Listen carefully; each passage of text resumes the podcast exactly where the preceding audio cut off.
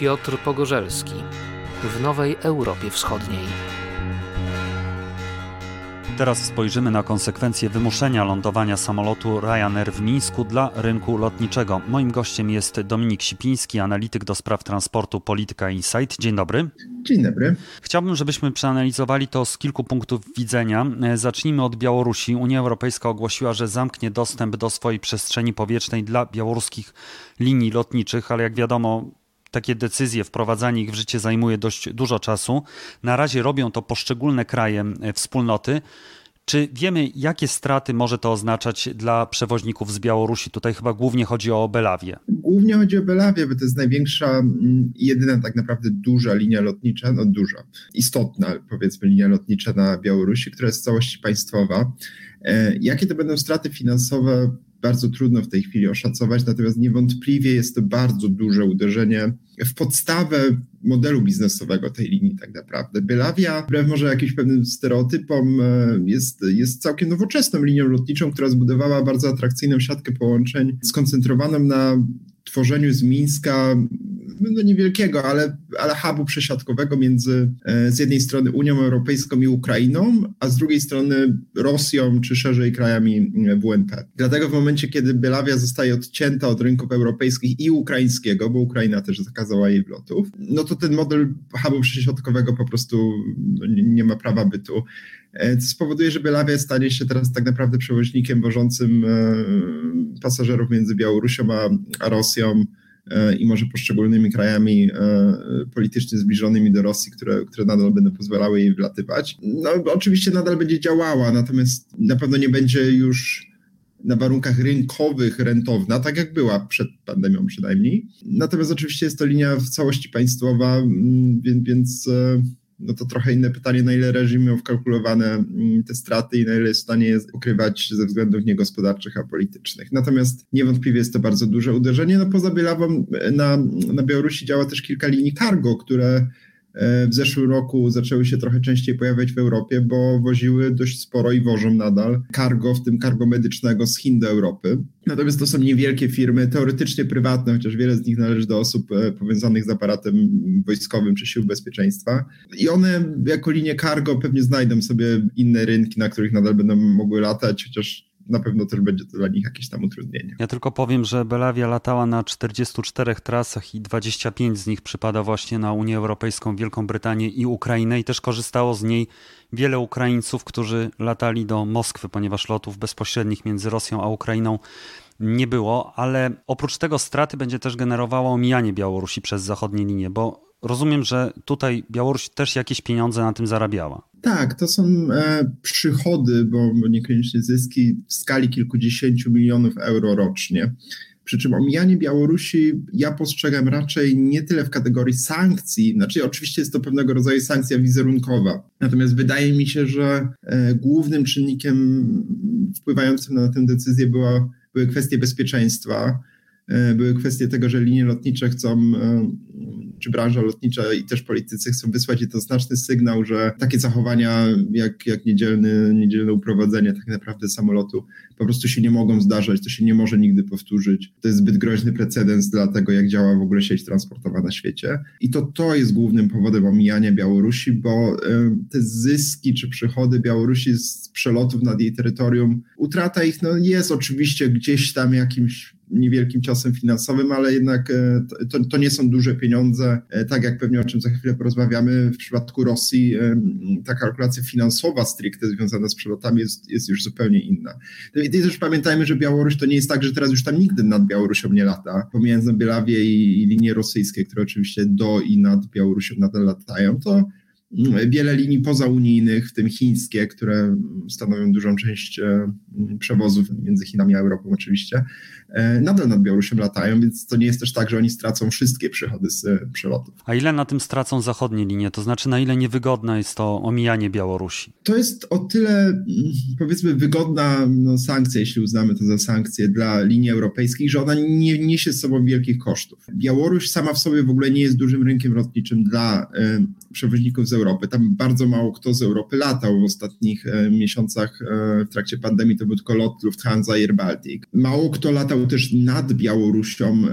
W, w przypadku lotów europejskich to prawie w ogóle nie ma znaczenia dla nikogo, z wyjątkiem linii z Finlandii i krajów bałtyckich latających na trasach na Cypr, do Grecji, Izraela, czyli wschodni basen Morza Śródziemnego no bo ze względów po prostu czysto geograficznych Białoruś generalnie nie jest po drodze w przypadku tras europejskich. Trochę większym utrudnieniem jest to w przypadku lotów mm, do Azji, Natomiast po pierwsze, tych lotów do Azji w tej chwili jest bardzo mało ze względu na pandemię. Po drugie, też ominięcie Białorusi nie jest jakimś wielkim problemem, e, bo można lecieć trasą trochę północną nad e, Litwą, Łotwą. No od południa oczywiście jest też problem związane z przelotami nad Donbasem i Krymem, e, których e, linie międzynarodowe nie wykonują.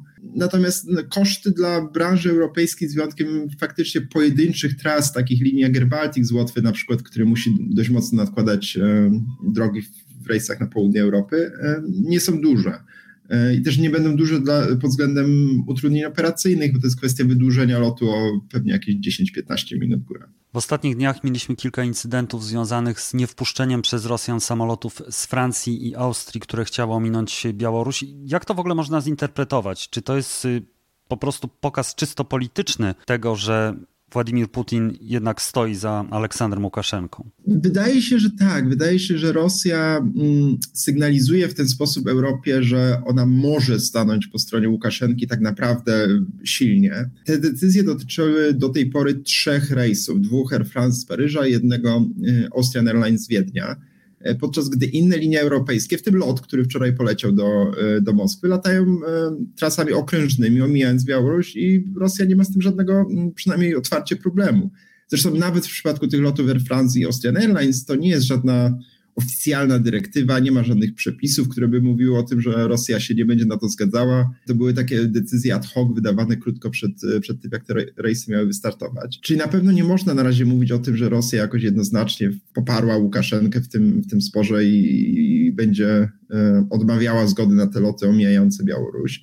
Ale na pewno pokazuje, że ma taki potencjał. Przy czym e, trudno w tym widzieć jakieś też koniecznie no, spójne działanie polityczne, bo jeśli popatrzymy chociażby, no właśnie jakie państwa zostały nie wpuszczone, czy linie jakich państw nie zostały wpuszczone, e, no to wydaje się to trochę przypadkowe. Znaczy, na przykład samolot polski wydawałoby się, że ze względu na napięte relacje powinien być takim jako pierwszy nie wpuszczony, natomiast lot bez problemu poleciał do, do Moskwy wczoraj. Zaangażowanie Rosji ma niestety potencjał rozwojowy. Znaczy Rosja, o czym już wspomnieliśmy, w porównaniu do Białorusi gra naprawdę silnymi kartami w segmencie jakby kontroli ruchu lotniczego powiedzmy. Po pierwsze oczywiście Rosja sama w sobie jest dużo ważniejszym rynkiem, znaczy no chociażby Air France czy Austrian Airlines nie latają na Białoruś, natomiast latają do, do Moskwy i to jest oczywiście kazus olbrzy, olbrzymiej większości europejskich linii, które po prostu latają mm, do Rosji dużo więcej niż na Białoruś, jeśli na Białoruś w ogóle latały. Ruch lotniczy między Europą a, mm, a Rosją jest w tej chwili e, około ośmiokrotnie większy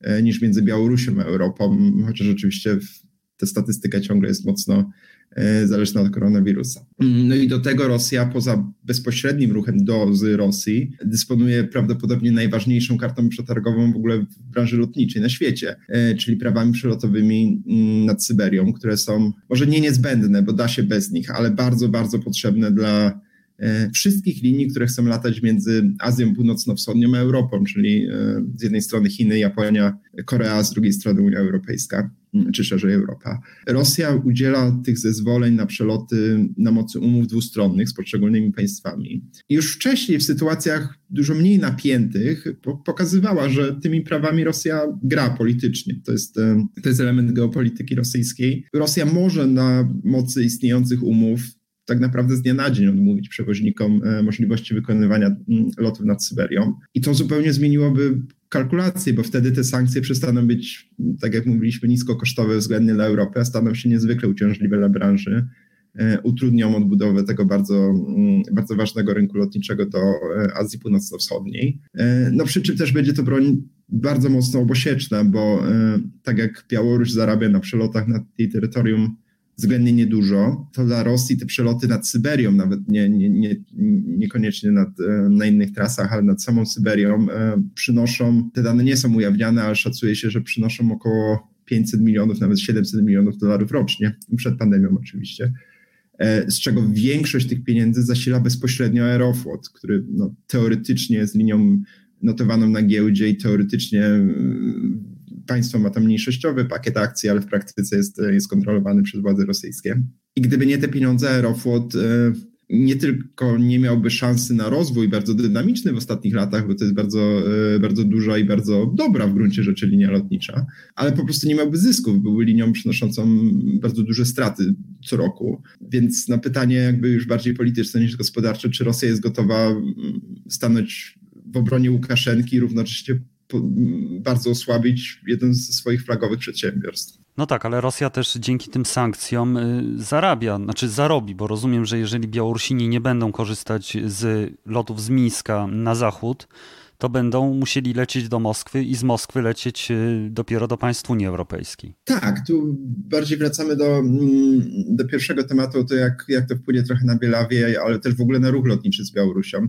W tej chwili mm, tak naprawdę nie ma możliwości podróży lotniczej e, między Białorusią a Unią Europejską bezpośredniej już. Co oczywiście z jednej strony tych pasażerów, którzy chcą lecieć do Unii, czy muszą lecieć do Unii, czy na Białoruś z Unii, faktycznie oni będą najprawdopodobniej latali przez Rosję. No i są jeszcze kraje, które teoretycznie mogłyby się stać takimi punktami przesiadkowymi, no Serbia czy Mołdawia chociażby, Natomiast w tej chwili nic nie wskazuje na to, żeby one e, wykazywały taką ambicję. E, więc faktycznie Rosja pewnie będzie po prostu bramą taką fizyczną do, e, do Białorusi lotniczą. Też na pewno dojdzie do przekierowania tego ruchu lotniczego, który latał z, Euro, z Białorusi do Europy, chociażby do miejsc turystycznych. Bielawia też latała mm, no chociażby do Barcelony, ten, ten lot, który został zawrócony pierwszy dwa dni temu był właśnie do Barcelony, ale też do Alicante, czy do innych typowo turystycznych miejsc w Europie myślę, że jak najbardziej dojdzie po prostu do tego, że teraz te samoloty polecą nie do e, Hiszpanii, tylko do Soczi albo do mineralnych wód.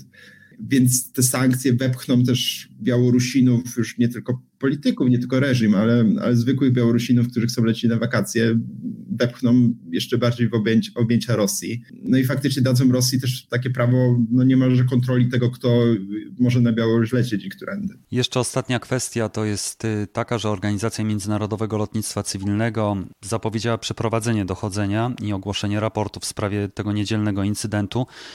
Co to może dać? To znaczy, czy ta organizacja ma w ogóle jakieś mechanizmy, żeby ukarać władze białoruskie, czy też białoruskich kontrolerów lotów, y, właściciela lotniska za to, co się stało w niedzielę? Krótko mówiąc, niestety nie. ICAO jest organizacją bardzo techniczną, bardzo ważną dla branży, ale bardzo techniczną i faktycznie ma bardzo dobre kompetencje, żeby przeprowadzić dochodzenie, żeby wyjaśnić wszystkie mm, okoliczności tego, e, no chociażby tego, kto wiedział o tym, że dochodzi do porwania tak naprawdę. Czy kontrolerzy wiedzieli, że przekazują samolotowi fałszywe informacje, bo to jest z punktu widzenia odpowiedzialności prawnej ważne. Natomiast niestety większość konwencji, czy w zasadzie wszystkie konwencje regulujące lotnictwo cywilne na świecie mm, opierają się o założenie w gruncie rzeczy zrozumiałe, że państwom zależy na tym, żeby takie sytuacje wyjaśniać. I w momencie, kiedy y, to państwo jest sprawcą takiej sytuacji, te konwencje trochę rozbijają się o, o niemożność prawną, powiedzmy, bo, bo, bo ciężko samymi e, instytucjami prawnymi związanymi z branżą lotniczą wymusić jakąkolwiek współpracę, nawet na samej Białorusi, na tym bardziej, że Białoruś ma wsparcie e, Rosji, która oczywiście ma dużo silniejszą pozycję polityczną w tych, e, w tych instytucjach. Więc o ile śledztwo ICAO jest potrzebne, bo, bo wyjaśni właśnie te, te, te wciąż nie do końca może dopowiedziane szczegóły, samo ICAO bardzo niewiele może zrobić i sankcje e, czy, czy ukaranie osób zaangażowanych jest możliwe głównie na poziomie politycznym, a osób bezpośrednio zaangażowanych, no chociażby na przykład kontrolerów, jeśli okazałoby się, że oni wiedzieli, że przekazują fałszywe informacje, co jest złamaniem prawa lotniczego. Bardzo ciężko będzie ukarać, dopóki Białoruś będzie ich chroniła. Dominik Sipiński, analityk do spraw transportu, Polityka Insight, bardzo dziękuję. Dziękuję bardzo. A już się wydawało, że rynek lotniczy będzie się odradzał po pandemii, a tutaj mamy kolejne turbulencje. Będziemy dalej śledzić sytuację na Białorusi i w Rosji, a także w Unii Europejskiej, właśnie związane z zmuszeniem do lądowania samolotu Ryanair w niedzielę w Mińsku.